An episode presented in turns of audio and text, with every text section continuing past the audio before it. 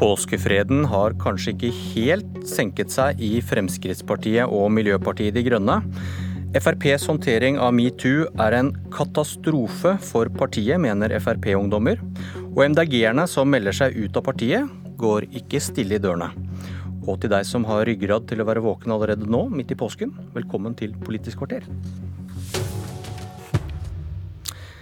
Det er et påskeopprør på gang i Fremskrittspartiet. Stadig flere i FrPs ungdom stiller seg bak et opprop som hevder at partiet ikke tar seksuell trakassering på alvor. Den første som kom med kritikk, var Mats Ramom, bystyremedlem for Frp i Trondheim. Jeg tenker at det oppropet er velkomment. Eh, at flere nå eh, reiser seg opp i protest mot det som har foregått. Hvis du hadde datter, ville du ha latt dattera di vært med på et arrangement til Frp? På den linja som Helgan Rønjåstad Njåstad organisasjonsutvalget har lagt seg på, nei. Gjentatte ganger har opplevd grove tillitsbrudd og seksuell trakassering fra eh, medlemmer. Det blir rapportert oppover, ikke tatt på alvor, og det fører bare til at man får seg et lite klaps på lanken. Lederen i FrPs organisasjonsutvalg som tar hånd om denne type saker, Helge André Njåstad, sier til Bergens Tidende jeg mener dette er en debatt som må tas internt. I Politisk kvarter på mandag sa han dette. Dette er noe vi har fokus på eh, hele veien, og det skal være trygt å være til stede på arrangement i, vårt parti. Men jeg tror folk likevel forstår at vi ikke kan fortelle eh, hele historien ute i media, eh, fordi at dette berører både enkeltpersoner på, på den ene og den andre sida. Njåstad kunne ikke være med her i dag, og verken han eller partileder Siv Jensen ville snakke med NRK om den interne uroen i går. Men god morgen til Eirin Eikefjord, kommentator i Bergens Tidende. God morgen.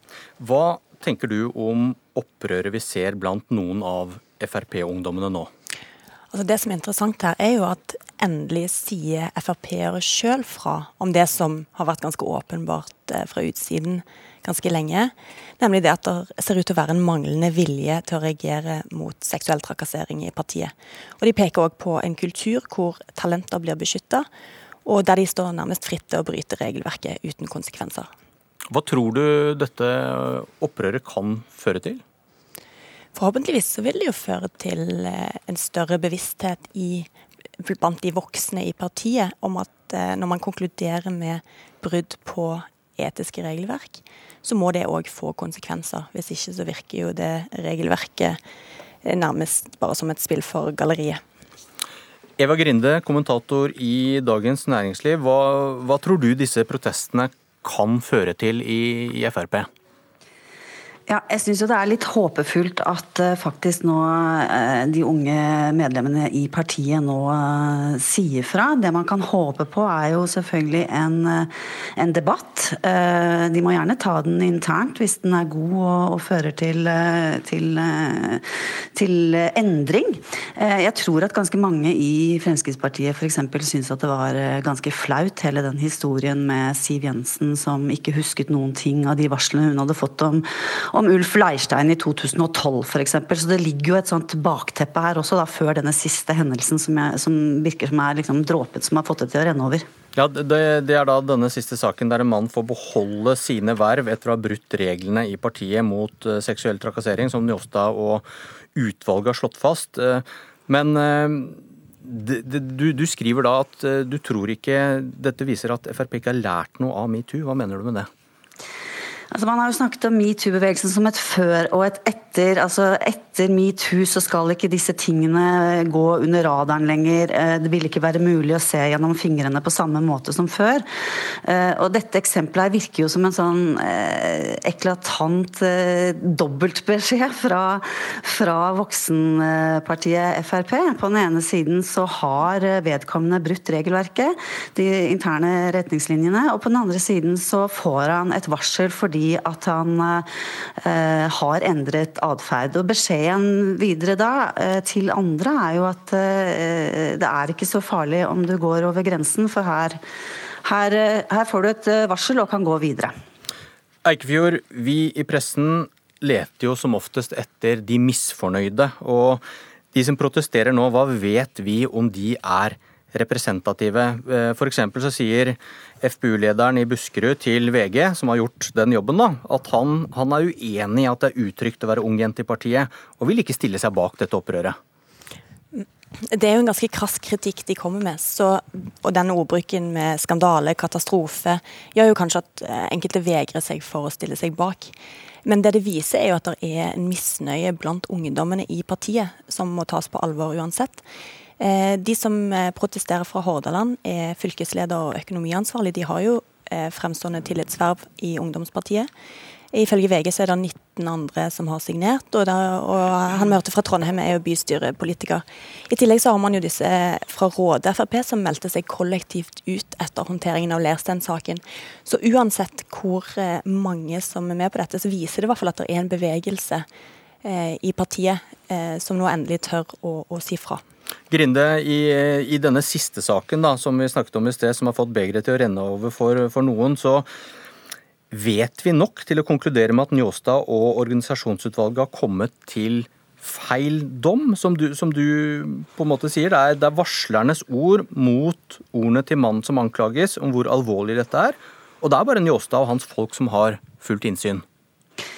Ja, men i denne, eh, i denne, saken så har de jo selv eh, vurdert det som såpass alvorlig at det er brudd på de etiske retningslinjene. Sånn at det, eh, det er jo det som er den doble beskjeden her, som gjør det, som gjør det til et, et, merkelig vedtak. Og i tillegg så sier så mm, Men han har jo fått en reaksjon, da?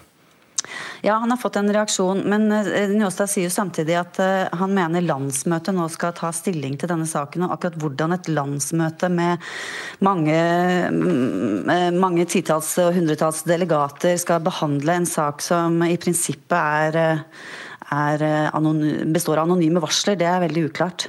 Eikefjord, man kan jo kritisere eh, Njåstad og organisasjonsutvalget for manglende åpenhet, men det er jo ikke uvanlig i denne type sensitive saker. og eh, Kan dere kritisere denne reaksjonen og dommen de kommer med, når man ikke vet helheten? Man har jo ikke fakta på bordet. Det vesentlige er jo nettopp sånn som Grinde sier, at det er konstatert brudd på de etiske retningslinjene. Og da skulle man jo tro at det var vilje i partiet til å gi det konsekvenser og sende signaler om at det ikke er greit. Så gir jo denne saken grunn til å stille spørsmål ved hva man egentlig vil med dette organisasjonsutvalget. Eh, Frp er jo veldig flinke til å outsource alt som lukter av skandale og problemer til utvalget. Eh, og papiret så er jo poenget at de skal håndtere disse sakene og ordne opp. Men nå fremstår det jo mest som en sånn lynavleder for å avverge plagsomme spørsmål fra pressen og en effektiv måte å skjerme politisk ledelse. Så hvis man faktisk ikke er villig til å, å sanksjonere brudd, så er, så er, det jo grunn til å stille spørsmål med hva som egentlig er poenget med dette utvalget. Grinde, hva tenker du om Siv Jensen sin rolle? Ja, Det er jo henne det, det, virker som ungdomspolitikerne nå påkaller. Hun har vært veldig utydelig opp gjennom historiene, eller nærmest negativ og lite interessert i å rydde opp i denne type saker. Det er jo mange eh, skandaler i det partiet opp gjennom helt fra Søviknes og via Birkedal og Leirstein, hvor det har foreligget varsler som ikke er blitt tatt på alvor før de har tvunget seg fram. Så hun har en sørgelig CV i, i disse sakene her, sånn, og hun er en av landets mektigste politikere og eh, burde komme på banen og være tydeligere på hva hun mener om disse sakene. For akkurat nå så tror jeg man er i tvil om hun syns det, som, eh, hvor alvorlig hun syns disse sakene egentlig er. Eikefjord, eh, når nå Frp har konkludert i sine saker, så setter det kanskje et sånn foreløpig punktum for en metoo-bølge i norsk politikk. Hvordan, hvordan, har partiene landet i behandlingen av alle disse sakene, syns du? Eh, altså, det som skiller partipolitikken fra arbeidslivet ellers, er jo at eh, partiene nærmest står fritt til å lage sine egne prosesser og sine egne regelverk. Og det syns jeg jo har gått helt middels. Det er jo eh, mye famling. Eh, viser ofte at man ikke har eh, veldig sterk bevissthet om eh, rettssikkerhet og kontradiksjon og, og rimelige prosesser. Og det gjelder jo alle partier. Eh, men eh, det vesentlige er jo at man viser en vilje til å ordne opp, og det syns jeg eh, kanskje svikter litt her i Frp. Takk Eirin Eikefjord, og takk Eva Grinde.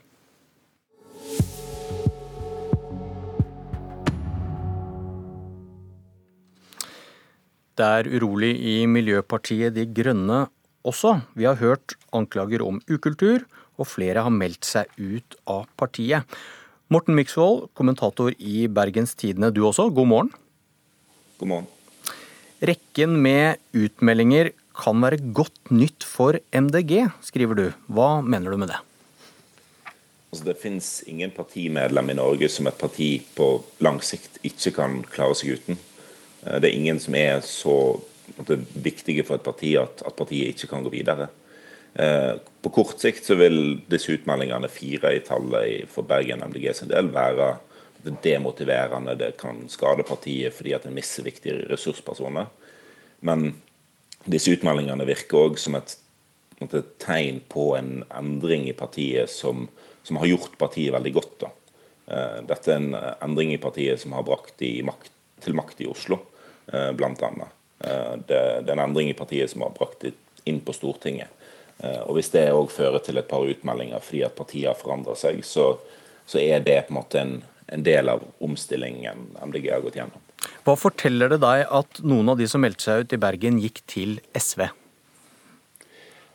Det var jo en koordinert aksjon. Det var to bystyremedlemmer og to varamedlemmer i, i MDG eh, som gikk over til SV. og det, det forteller meg jo at de, de tilhører venstresida. En, en, går ikke over til SV hvis en ikke eh, holder til på venstresida. Eh, en del av kritikken som kommer, eh, er jo at MDG har tatt en høyredreining. Eh, og med det betyr jo det at en har gått vekk fra å være et måtte, venstreparti til å bli et uh, sentrumsparti, eller blokknøytralt, som, som, de kaller det. De har blitt mer positive til EU de siste årene, i likhet med andre grønne partier i Europa. Er det, er, er ACER eller ACER-striden og, og, da et utvida energisamarbeid med EU en sak som illustrerer dette her hjemme? Altså Det illustrerer forskjellen mellom det MDG var før og det MDG er nå. Altså Norge er som et EU-land å regne når det kommer til klimapolitikk. Det, det, der knytter regjeringen eh, oss til EU sine, sine, klimamål for et par år siden. Eh, og for MDG så, så vil jo da eh, et internasjonalt klimasamarbeid være veldig viktig. Det, det er sånn en oppnår Parisavtalen. Og Da, er det òg naturlig at partiet blir mer EU-vennlig enn det det har vært. Og Det er jo de internasjonale grønne partiene som har, har skrevet denne energipakka, som, som, nå har blitt så kontroversiell. Um, og den er kontroversiell innad i MDG og blir jo brukt som, som en av grunnene for å vise til at, at partiet har endret seg de siste årene. Men likevel så skriver du at eh, MDG skiller seg fra flokken. De, de skiller seg litt fra, fra sine søsterpartier i, i, i, Europa. På hvilken måte? Altså det har veldig masse med hvordan de kom til i den norske partifloraen å gjøre. Altså Grønne partier i Europa har vart veldig lenge. Altså det, er, det er et gammelt fenomen. Uh, mens i Norge så er det veldig nytt. Uh, vi har hatt SV, vi har hatt Venstre primært, som har dekka klimafeltet. Men under den rød-grønne regjeringen mot slutten av den perioden eh, så mista SV miljøtroverdighet. Venstre eh, hadde samarbeidsspørsmål knyttet til Frp som gjorde at deres miljøtroverdighet ble lavere. Og det skapte et rom for, for det MDG som vi, vi ser i dag. Tror du på ytterligere avskalling til venstre? Eh, eller er partiet på en måte ferdig med uroen? Altså, Det er vanskelig å si. Altså, de rapporterer jo at de har hatt medlemsvekst gjennom denne perioden. her. Eh, men de mister jo noen viktige tillitsvalgte. Eh, om den avskallingen bare går mot, i retning SV, eh, eller om det kommer en motreaksjon, er jo vanskelig å si. Men, men det virker jo det, det, siste året eller to årene så virker det jo som om MDG har funnet posisjonen sin. Da. Eh, at den er i sentrum, og ikke som et SV uten sosialisme. Til slutt, eh, kort, eh, apropos avskalling til Venstre. Hvorfor ser de interne kritikerne på deler av politikken til partiet som usosial? Altså, MDG de har en tilnærming til klimapolitikk som skiller seg veldig fra, fra SV sin på, på ett område. og Det er at det er ikke så viktig om politikken er omfordelende om, uh, eller ikke. Altså, SV vil, måte, vil kutte klimautslipp, men de vil samtidig utjevne forskjeller. Mens MDG går òg inn, uh, inn, for klimakutt som ikke utjevner forskjeller. Altså De gir penger til, okay. til elsykler, elbiler og sånne ting. som ikke er så utjevnende. Morten Myksvold, jeg må brutalt avbryte deg og si god påske. Dette var Politisk kvarter.